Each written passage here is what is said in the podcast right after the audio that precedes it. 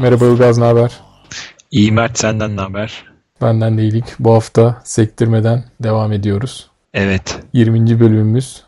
Baya baya bir zaman oldu. Evet. E, 20 de güzel bir rakam. Ama Çok. ne demiştik? Bir sonraki hedefimiz 50. Oo. Ankara'ya kar yağmış. Yok ya kar yağmadı da Ankara'da bir çöl iklimi e, söz konusu. Sabah böyle koşuya çıkıyorsun eksi 2 derece. Öğlen yemeğe giderken 15 derece 20 derece oluyor. Böyle arabaların camları çatlayacak neredeyse. Bu sabah ben de böyle ellerim dondu. Ee, Ondan sonra öğlene doğru da bayağı bir sıcakladık. İstanbul nasıl? Senin koşular nasıl gidiyor? İstanbul iyi benim koşular da iyi. Ben kayıt dışı koşuyorum ya. Bu aralar kayıt dışı koşuyorsun. Evet. Değil mayda da girmiyorum. Aklımda da tutmuyorum. Kafada yormuyorum ne kadar koştum. Yarın ne var ne olacak diye. Baktım olacak gibi değil. Çünkü işin ucu kaçtı. ipin ucu.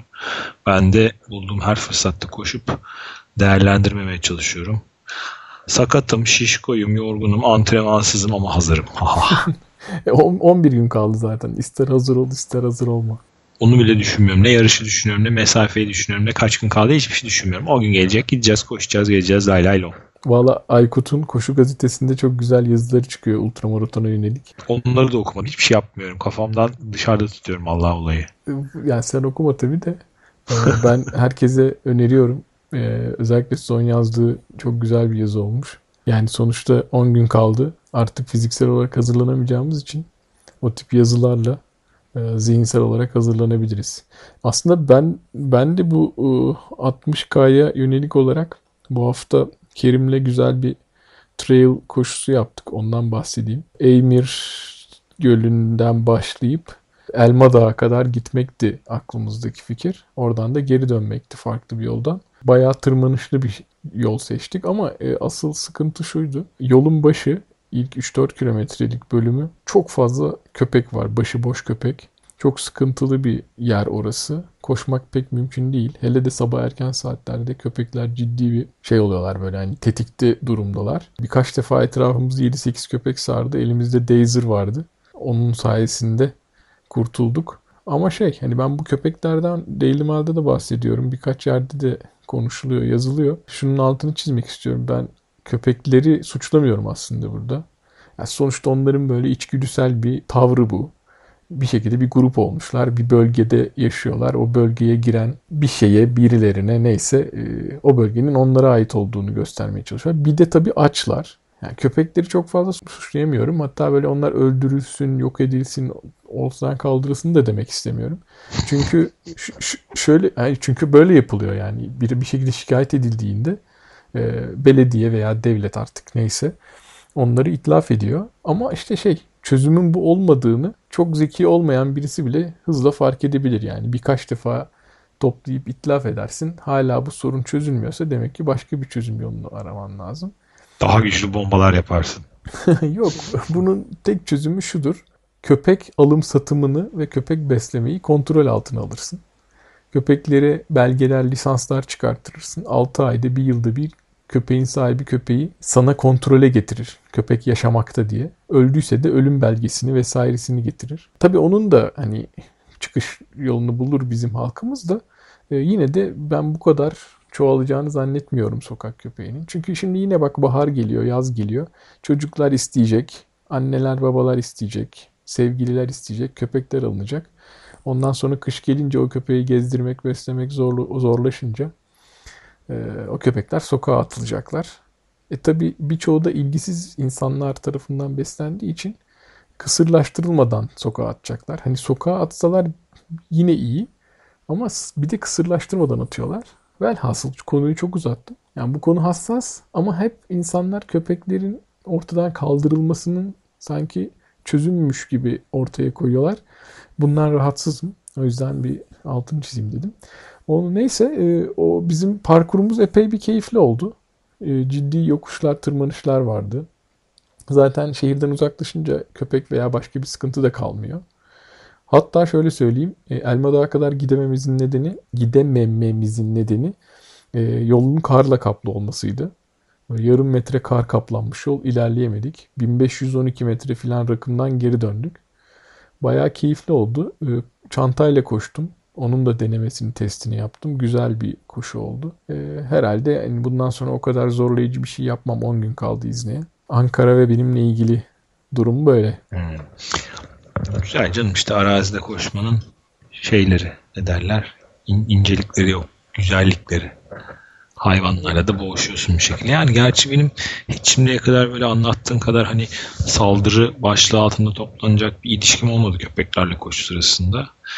Ama ben düşünüyorum da hiç anlattığın kadar vahşileşmiş köpeklere de rastlamadım. Belgrad Ormanı'nda işte koşuyorum en fazla doğal sayılabilecek parkur.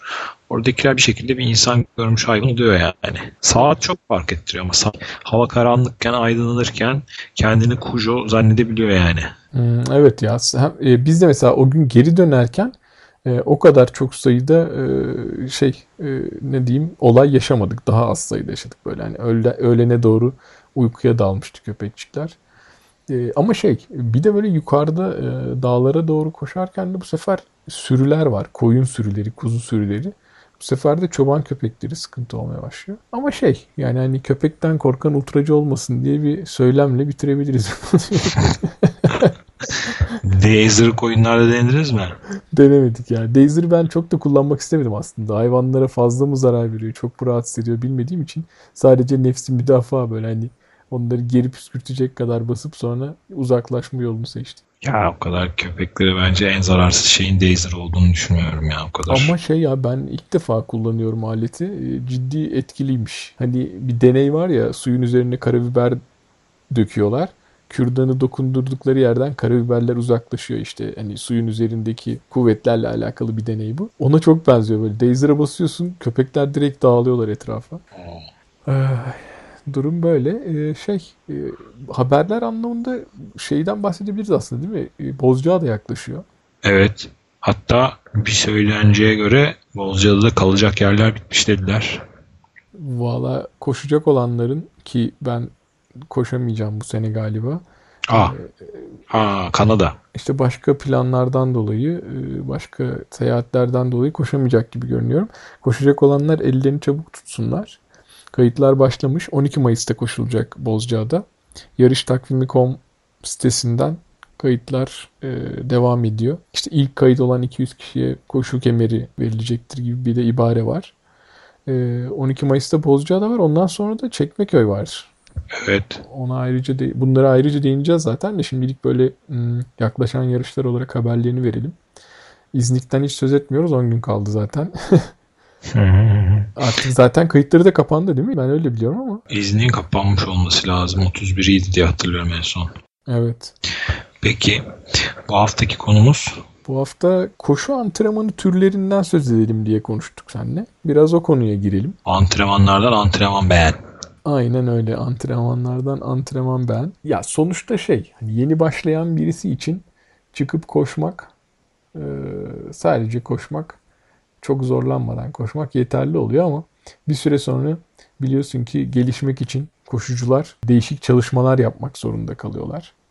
Ee, biz de bu konuya değinelim istedik. Tabii şöyle bir durum da var. Bu konuşacağımız şeyler orta ve uzun mesafe koşu yarışlarında e, ilerleme kaydetmek, daha iyiye gitmek isteyen koşucuların yaptığı antrenmanların türleri. Çok detaylarına girmeyelim çünkü her biri zaten başlı başına büyük uzun konular.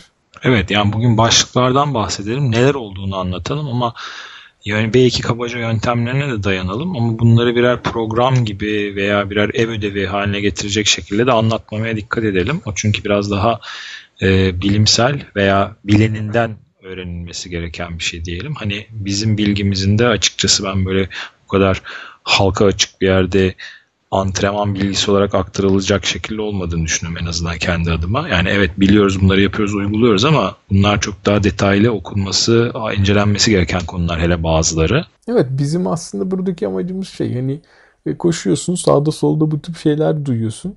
Ee, ne olduğunu bilmek. Sonra eğer çok merak ediyorsak okuyup, araştırıp kendimize uygun olanları seçip yapmak e, yolunu seçecek insanlar için hani birer ipucu olsun diye. Aslında şeyden başlayabiliriz değil mi? Kaliteli koşular dediğimiz böyle hızlanmaya yönelik, güçlenmeye yönelik, güçlenmeye yönelik aynı zamanda dayan aynı zamanda dayanıklılığı arttıran yani tamamen böyle e, her türlü koşucuyu geliştiren bir e, antrenman türü var. İntervaller.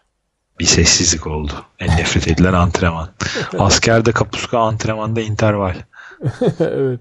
Ya intervaller aslında şey yaparken böyle çok zorlayıcı, insanı biraz böyle yıpratan ve üzen ama yaptıktan sonra kendini çok iyi hissettiğin, hele de böyle başarılı tamamlanmışsa iyi hissettiğin bir antrenman türü. Ya, kısaca değinmek gerekirse kısa ama hızlı koşuların aralarına dinlenmeler de koyarak yapıldığı bir koşu antrenmanı. Sanırım Türkçesi arttırma diye geçiyor değil mi? Evet aslında İngilizce'de interval biraz garip bir şey oluyor. E, isimlendirme oluyor. Interval aralık demek biliyorsun. Evet. Zaman aralığı veya aralık demek. Evet. E, aslında burada intervaller hızlı koşulların arasındaki o dinlenme aralıkları e, diye konuşuluyor. Hatta rest interval, dinlenme aralığı diye geçer. RI diye yazılır. Belki rastlamıştır dinleyenler. Bu, bu antrenmanların amacı şu aslında. Hani e, şöyle bir söylem vardır ya koçlar hep kullanırlar. E, hızlı koşmak istiyorsan hızlı koşman gerek diye. E tabi şimdi çok hızlı koşmak istiyorsan diyelim 10K ya da yarım maraton koşacaksın bir anda yarım maratonu o kadar hızlı koşman mümkün değil. Dolayısıyla yapabildiğin çok hızlı dediğimiz belki 5K ya da 3K pace'inde e, çok hızlı koşuları kısa kısa zaman aralıklarıyla yaparak hem vücudunu o hızlı koşuya, kaslarını alıştırıyorsun hem de anaerobik seviyelere çıktığı için çalışman e, limitlerini zorluyor ve yukarıya doğru çekiyorsun. İntervallerin amacı bu. E, burada önemli olan intervallerde tüm koşulması gereken aynı mesafeleri aynı hızlarda, aynı pace'lerde koşmaya çalışmak. Burada ben virgül koymak zorundayım. Çünkü bir cümle içinde 8 tane terim kullanarak zaten programı 20 dakika uzattın şu anda. Önce onları açıklamamız gerekiyor diye düşünüyorum. Değil mi? Pace nedir? Yarış temposu nedir? Evet. İlk önce belki kabaca o terimlerden bahsetmemiz lazım belki de bunları konuşurken. Yani hani nasıl hesaplanacağını formülünü de vermeyelim. Onunla ilgili böyle linkler koyarız ama hani bir tempo nedir? Yani yarış temposu nedir? Interval temposu nedir? Yarım maraton temposu nedir? Belki bunlardan bir kavram olarak bahsetmek lazım. Çünkü sanırım şimdi her şeyi bunlara dayanarak anlatıyor olacağız. Hı hı. Evet. Çok kabaca şunu diyebilir miyiz?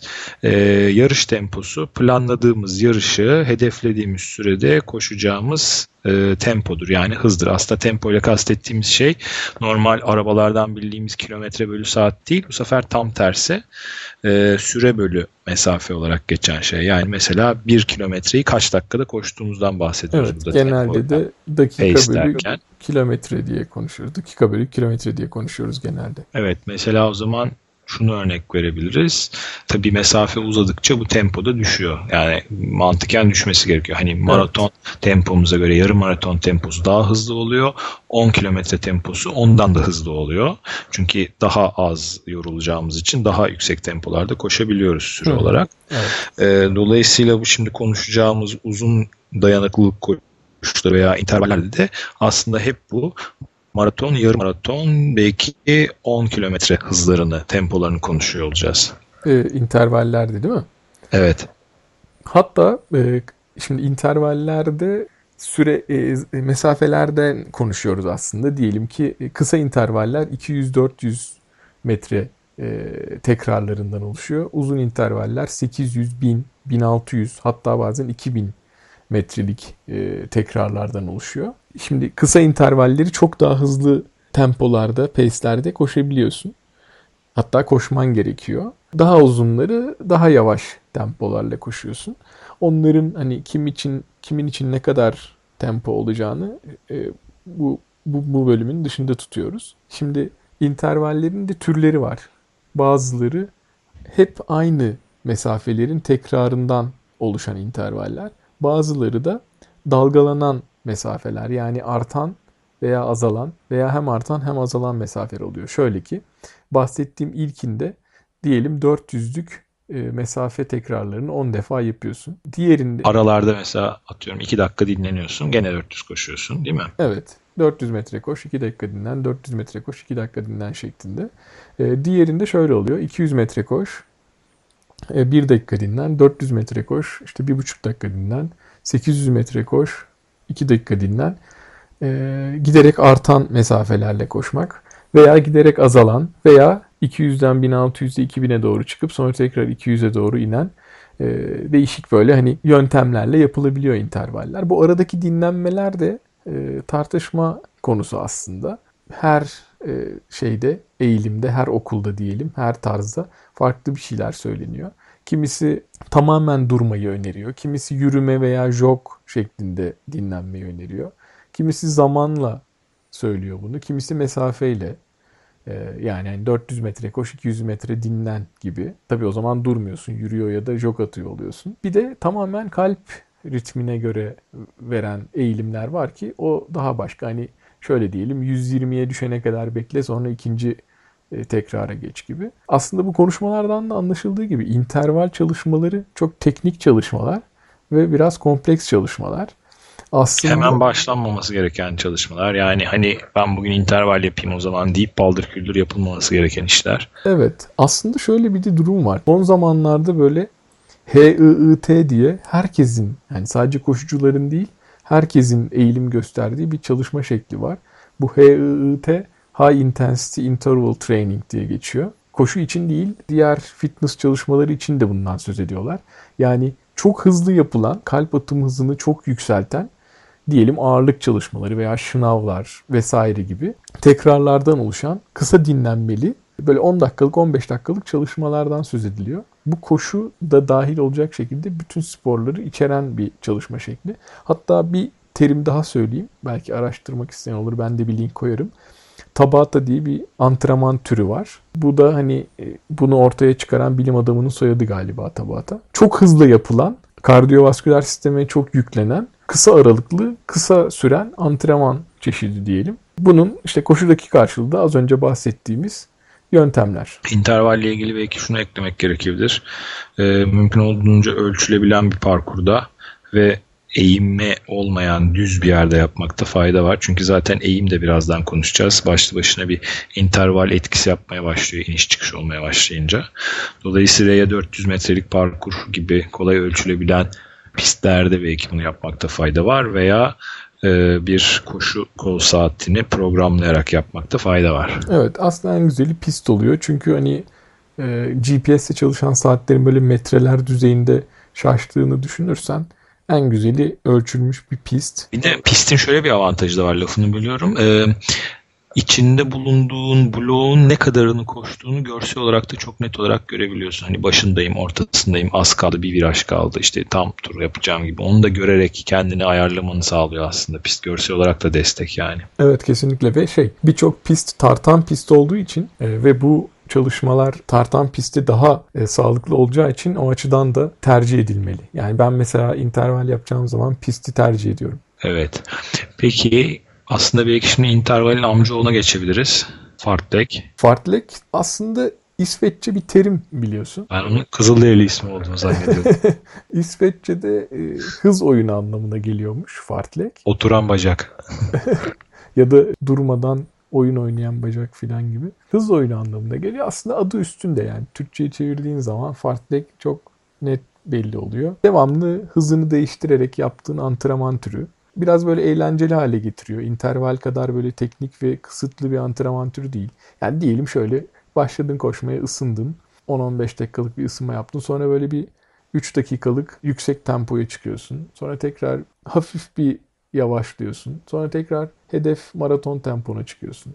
Sonra bir 100 metre e, depar atıyorsun gibi böyle hani e, karışık, ortaya karışık diyebileceğimiz bir antrenman türü. Aslında fartlek daha çok intervalin yapılmadığı dönemlerde kullanılan bir antrenman yöntemi de diyebiliriz. Yani buna ne örnek gösterebiliriz? Mesela bir hedefe veya yarışa yönelik planlı programlı antrenman pro, e, planı uygulamıyorsanız fartlek kullanılan bir yöntem olabilir.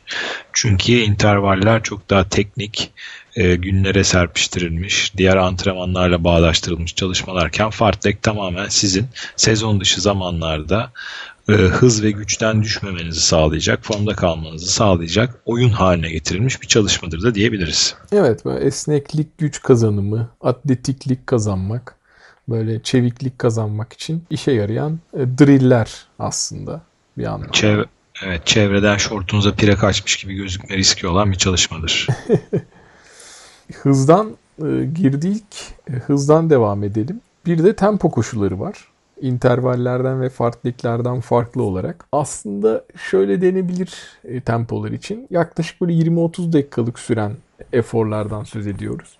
Tabi bu daha advanced sporcular için daha uzun sürelere yayılabilir ama bizim gibi amatör sporcular için 20-30 dakikalık sürelerden bahsediyoruz. Kendinizi rahat hissetmeyeceğiniz ama tükenmeyeceğiniz derecede yüksek tempolarda koştuğunuz bir 20-30 dakikadan söz ediyoruz. Ee, yani e, az önce bahsettiğimiz intervallerdeki hızlardan düşük ama hedef temponuzdan da yüksek yani hedef yarış temponuzdan da yüksek bir hızda 30 dakikalık bir koşudan söz ediyoruz tempo koşusunda. Tempo koşulları da aslında intervaller gibi böyle insanı böyle sonlara doğru yıpratan e, ya bitse artık filan diye hissettiğiniz bir antrenman türü. Öyle hissetmiyorsanız doğru e, hızda koşmuyor olabilirsiniz. Amacı ne peki bunun? Bunca rahatsızlığın? Bunun amacı... Rahatsızlığa alışmak aslında. evet belki öyle söylenebilir. Teknik konulara girmeden söylemek gerekirse yine böyle limitleri yukarıya çekmek. Fatik durumunun yani e, yorulma durumunun oluştuğu noktada sürekli koşarak bu durumun oluştuğu noktayı daha böyle e, yukarıya çekmek, zor oluşur hale getirmek koşucu açısından. Belki de biraz algı eşiğini yükseltmek de olabilir. Ona da yarıyordur evet tempo koşulları kesinlikle. Hız koşullarından üçüncü türde tempo koşulları aslında. Evet şimdi gelelim tembel işi bölümüne. Aslında tembel işinden önce bir interval benzeri az önce senin de belki ileride değineceğiz dediğin tepe tekrarları diyebileceğimiz yine tekrarlı bir koşu türü var. Bu da aslında genelde koşucular arasında ve koçlar arasında koşucuların e, ağırlık antrenmanı gibi bir şeydir tepe tekrarları. E, böyle bir 300-400 metrelik bir tepe bulup yukarıya doğru hızlı bir sprintle çıkmak, geriye doğru da yürüyerek veya jog atarak yavaş yavaş inmek. Yani aşağı doğru inerken dinlenmek, yukarı doğru da e, zorlanmak şeklinde yapılan bir antrenman tamamen güçlenmeye, koşarken kullandığımız kasların güçlenmesine yönelik antrenmanlar. Aslında tam tersi de yapılıyor. Ultra antrenmanlarında mesela yokuş aşağı koşular da var. Yokuş yukarı yürümeyi öğrenip yokuş aşağı koşmayı öğreten.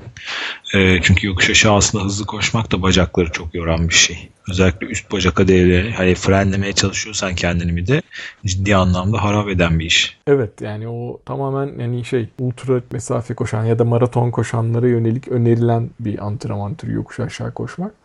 Ama hani böyle çok sık kullanılan şeylere değindiğimiz için ona pek değinmedim. Evet haklısın aslında tepe tekrarlarında o da söz edilebilir. Ama galiba yokuş aşağı koşullarında böyle daha uzun süreler, epey uzun süren bir yokuş bulup sürekli aşağı doğru koşarak yapılıyor diye biliyorum. Evet. Bu bizim şu anda bahsettiğimiz tepe tekrarları ise böyle çok kısa mesafeli bir tepeyi hızla hatta all out derler yani var gücünle yukarıya kadar koşmak. Tabi bu da böyle hani dikkatlice yapılması gereken bir antrenman. Hani bugünden yarına hadi ben tepe antrenmanına çıkıyorum demek çok olası değil. Çünkü oldukça zorlayıcı bir antrenman türü. Ee, yine böyle çalışıp kendine uygun eğimde, kendine uygun e, tempoda bir e, antrenman ortaya koyduktan, planını ortaya koyduktan sonra yapmak lazım. Mesela Bozcaada'ya katılacak arkadaşların bol bol çalışma fırsatları olacak Bozcaada'da. Evet Bozcaada'da tamamen buna yönelik bir e, Roller coaster pisti bizi bekliyor. Evet evet kesinlikle. Ama tabii hani öyle bir parkuru hazırlanıyorsa insanların e, bu tip çalışmaları cidden çok yapmaları gerekir diye düşünüyorum. Evet. Ne kaldı? Tamamen yarış temposuna yönelik antrenmanlar var. Bunları da hedef tempo koşulları deniyor. Hedef tempo koşulları da işte hangi yarışa hazırlanıyorsak o yarışta koşmayı planladığımız tempoyu tutturduğumuz ve tüm antrenman boyunca o tempoda koştuğumuz antrenmanlar. Aslında, aslında yarış simülasyonları. Evet bu, bu antrenmanların hedefi aslında yani amacı isimlerinde gizli. Bu tempoda koşmaya vücudu alıştırmak. Hem fiziksel olarak hem de zihinsel olarak e, tamamen o tempoya, o pace'e alışmak diyebiliriz. Bu her türlü e, mesafedeki yarış için önerilen ve her programda yer alan e, bir antrenman türü. Yapması çok kolay. Eğer kolunuzda bir GPS'li saat varsa veya ölçülmüş bir parkurda koşuyorsanız hedef pace'i tutturup tüm antrenman boyunca o pace'te koşmak. Bazen e, diğer antrenman türleri içine de karıştırılıyor. Yani uzun koşuların sonlarında böyle bir 10 kilometre ya da 15 kilometre hedef tempo gibi. Öyle de yapıldığı ve önerildiği oluyor. Şimdi aslında e, senin bahsettiğin tembel işi kısma geliyoruz. 68 kuşağı hippiler tarafınca uygulanan. Kısaca LSD denen bir koşu türü var. Bunun açılımı Long Slow Distance. E, yani yavaş ama uzun uzun koşulan bir koşu türü. E, sen bunu çok yapıyorsun. Hayatımız bu. Evet sizin hayatınız bu. E, bunun amacı aslında şey değil mi? Ayak üzerinde geçirilen süreyi uzatmak. Başka hiçbir Evet. amacı yok. Çünkü Evet. Hedef tempodan böyle bir dakika kadar yavaş hatta 50 saniye 60 saniye bazen bir buçuk dakika yavaş ama oldukça uzun mesafeler hatta kimisi bu tür uzun yavaş koşuları süreyle yapmanın daha doğru olduğunu söyler. Ben mesela. evet evet bazı koçlar da böyle söylüyorlar yani yani 32 kilometre koşacağım uzun yavaş demek yerine e, bugün çıkıp 3 saat koşacağım ya da 3,5 saat koşacağım daha doğru bir yaklaşım oluyor. Tabii sonuna doğru kaytarma şansın daha fazla oluyor. Çünkü 32 kilometre sonuna kadar tamamlaman gerekiyor da 3 saatin sonuna yürüyerek tamamlayıp "Hmm, 3 saat koştum diye girebiliyorsun antrenmana. Evet. Yani burada dediğimiz gibi pace'in çok bir önemi yok. Tamamen adım atarak, ayakların üzerinde koşarak geçirilen süreyi uzatıp dayanıklılığı arttırmak. Aslında bu nabzı da düşüren bir şey uzun vadede. Yani daha düşük nabızda koşmanı sağlayan bir şey. Artı yağ yakan bir antrenman türü. En çok yağ yakan antrenman türü hatta belki de. Yani ve şey yağ yakmaya alıştıran bir antrenman türü. Evet. Ee, kimisi çünkü şey de der. Bunu yapmak biraz böyle e, riskli ve zordur ama hani e, besin alımına da hani böyle minimumda tutarak vücudu böyle yorgunluğun had safhada olduğu yerde sürekli koşturarak iyice yağ yakmaya alıştırmaktan söz ederler. Uzun yavaş koşuları bu anlamda da kullanıyorlar. Uzun yavaş koşular her programın vazgeçilmezi. Haftada bir kere muhakkak koşturuyor her program. Genelde de hafta sonuna denk getiriyor insanlar. Bu maraton programlarını filan genelde 20 mil yani 32 kilometre civarlarında oluyor. Ama dediğimiz gibi mesafe yerine süreyle koşmak 3 3,5 saat. Aslında bu 3-3,5 saat mevzusu da koşucunun pace'ine göre değişebilen bir şey. O da işin teknik kısmı olduğu için oraya çok girmiyoruz. Ama hani uzun yavaş koşular her programın olmazsa olmazı. Aslında çoğu maraton kitabının ve maraton programının koçunun birleştiği bir ortak haince nokta var ki o da 32. kilometre konusu. Ee, çoğu kitap ve program hep 32 kilometreden fazla koşturmaz bizleri maraton için. Ve ondan sonra da içlerinde sürekli bir 32. kilometreden sonra neler olup biteceğiyle ilgili gizemli bölümler bulunur. Böyle bir dehşet 32. noktasının kilometre noktasından bahsedilir ve denir ki esas maraton 32 kilometreden sonra başlar. Ama hiçbir antrenmanda 32 kilometreden bir metre bile fazla koşmadığın için programa uyuyorsa hiçbir zaman onu bilemezsin. Sürekli böyle bir kabus canavar gibi kafanda duruyor maratondan önce. Allah'ım 33. kilometrede neler gelecek başıma acaba cehennemin kapısını mı göreceğim diye yola çıkarsın ama ondan sonra aslında hiçbir halt olmadığını en fazla şansın varsa bir su masası olduğunu görürsün 33. kilometrede. Evet ama işte şey artık böyle son dönemde dediğim gibi kilometreden ziyade bu genel geçer 32 kilometreyi e, artık yavaş yavaş değiştirip süre vermeye başlıyorlar. O da iyi oluyor. Hatta böyle 40 kilometre veya 4 saat ya da 40 kilometre veya 4,5 saat gibi filan böyle alternatifli antrenmanlar öneriyorlar. Bu e, uzun yavaş koşuları da aslında şöyle yavaş yavaş arttırmak lazım. Direkt başlar başlamaz 32 koşmak yerine eğer yeni başlanıyor veya ilk, ilk defa böyle uzun mesafeleri hazırlanıyorsa e, yavaş yavaş arttırmakta fayda var ve önemli olan da şu en uzun uzun yavaş koşuyu yarıştan böyle 2-3 hafta kadar önce koşup bitirmekte fayda var. Daha önceden konuştuğumuz tapering ile alakalı olarak söylüyorum. Ee, uzun yavaş koşular da böyle. Dinlenme, dinlenmeden bahsetmedik. Toparlanma koşuları. Aa evet değil mi? Toparlanma koşuları var. Ee, recovery run dediğimiz. Aktif dinlenme. Evet son son yedincisi de o olacak doğru. Antrenman türlerinden. Bu da aslında şey çok kolay tempolarda hani o uzun yavaş koşudan da daha yavaş, daha kolay tempolarda hiç zorlanmadan, hiç yorulmadan aksine sadece kilometre kazanırken e, bir yandan da dinlenme şeklinde e, antrenmanlar bunlar. Bacaklarda biriken biraz yorgunluğu dağıtabilmek adına yapılan değil mi? Hı hı, evet. Genelde bunlar da 8 kilometre bazen 10 kilometre civarında oluyor diye hatırlıyorum programlarda hep. Evet daha daha çok böyle e, zorlu antrenmanlardan sonraki günlere bunları koymak hem e, haftalık kilometre miktarını arttıracak hem de e, bir dinlenme fırsatı verdiği için böyle zihinsel olarak da e, bir miktar yani etrafı seyredip keyif alınacak bir koşu gibi bakılabilir. Dediğin gibi hep böyle orta mesafelerde, çok uzun olmayan orta mesafelerde koşular. Diyelim bir interval yaptın, ertesi gün bir recovery koşusu, ertesi gün bir tempo, tekrar bir recovery. Sonra böyle uzun yavaş bir koşu tekrar bir recovery şeklinde bu dinlenme koşularını alternatif günlerde değerlendirebilirsin. Bununla beraber 7 tane antrenman türünden bahsetmiş olduk. Özetlersek aslında e, kaliteli hız antrenmanları dediğimiz intervallerden söz ettik. Sonra fartleklerden, hız oyunlarından bahsettik. Tempo koşularından bahsettik. Böyle 20-30 dakikalık yüksek tempoda koşulan tempo koşularından bahsettik. Koşucular için güç antrenmanı sayılabilecek tepe yukarı e, var gücüyle koşulan tepe yukarı tekrarlarından söz ettik. Hedef yarış temposunda koşulan antrenmanlar var dedik.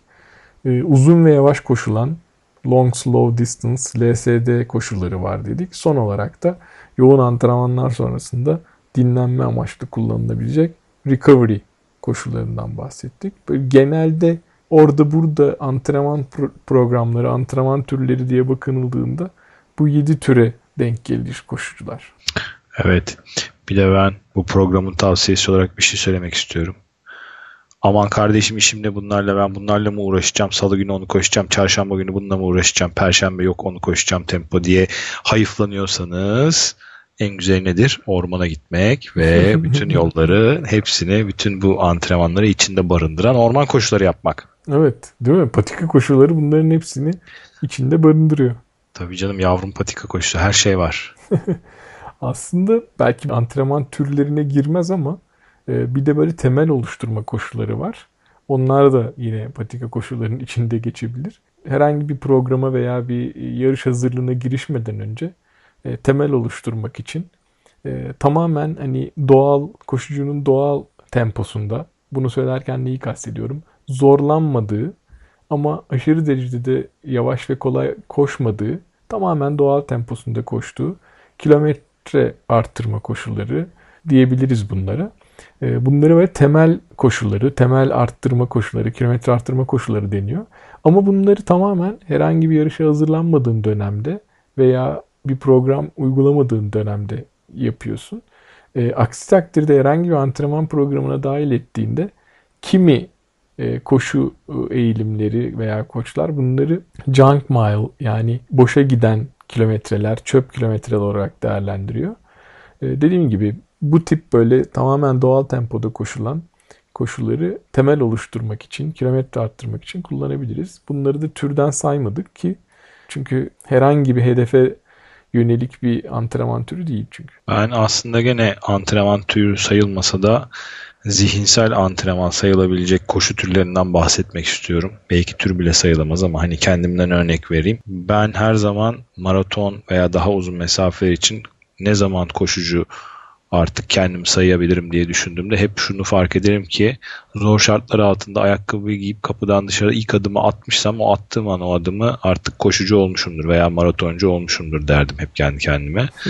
ben mesela şey yaptığım çok olur yağmurlu havada, kötü havada veya sabah çok erken saatte veya akşam geç saatte yani normal şartlarda ama şimdi koşulur mu ya dediğin zamanlarda hatta kendi dediğim zamanlarda da inadına kendime inat dışarı çıkıp ama gerekiyorsa bir saat, belki yarım saat, belki bir buçuk saat e, zor şartlara rağmen koşmaya çalışmak da bence psikolojik anlamda güçlenmek adına önemli koşu türü sayılabilir diye düşünüyorum. Yani hani bunları bir başlık altına toplamak mümkün değil. Hani kendimden düşünerek örnek verdiğim zaman çok erken saat veya çok geç saat veya bazen karanlıkta işte ormanda koşmak gibi veya şakır şakır yağmur yağarken sokağa çıkıp ciddi böyle vapurdan düşüp ıslanmışçasına ıslanarak koşmak belki bunları örnek sayılabilir. Çünkü bunları yaptığınız zaman e, bir süre sonra kendi kendinize diyorsunuz ki ya kardeşim ben şu anda bu koşuyu da yapıyorsam veya bu koşuyu bitirip eve gelmişsem ve bundan mutluluk duyuyorsam ben bundan sonra her türlü şartta koşarım diyebiliyorsun ve aslında çok önemli bir şey o. Yani zor zamanlarında, sıkıntılı zamanlarında koşarken o anı hatırlamak, daha önce bunu bir şekilde becermiş, başarmış olmak ve onu hatırlamak e, çok büyük güç sağlayabiliyor insana. Yani Evet. her zaman sırf bacakları, ciğerleri değil biraz bazen saksıyı da güçlendirmek gerekebiliyor bu anlamda. Evet bu söylediğin aslında irade ve disiplin antrenmanı da oluyor bir miktar yani. Tabii. Bağlılık, adanmışlık antrenmanı da oluyor. Evet bu da böyle apayrı bence kendi kendine has bir antrenman türü. Haklısın. Bu, bu hafta da antrenman türlerinden bahsettik. Ekleyecek bir şeyin yoksa burada bitirebiliriz. Yok herkese iyi antrenman türleri diliyorum o zaman. Evet herkese iyi antrenmanlar. Görüşmek üzere.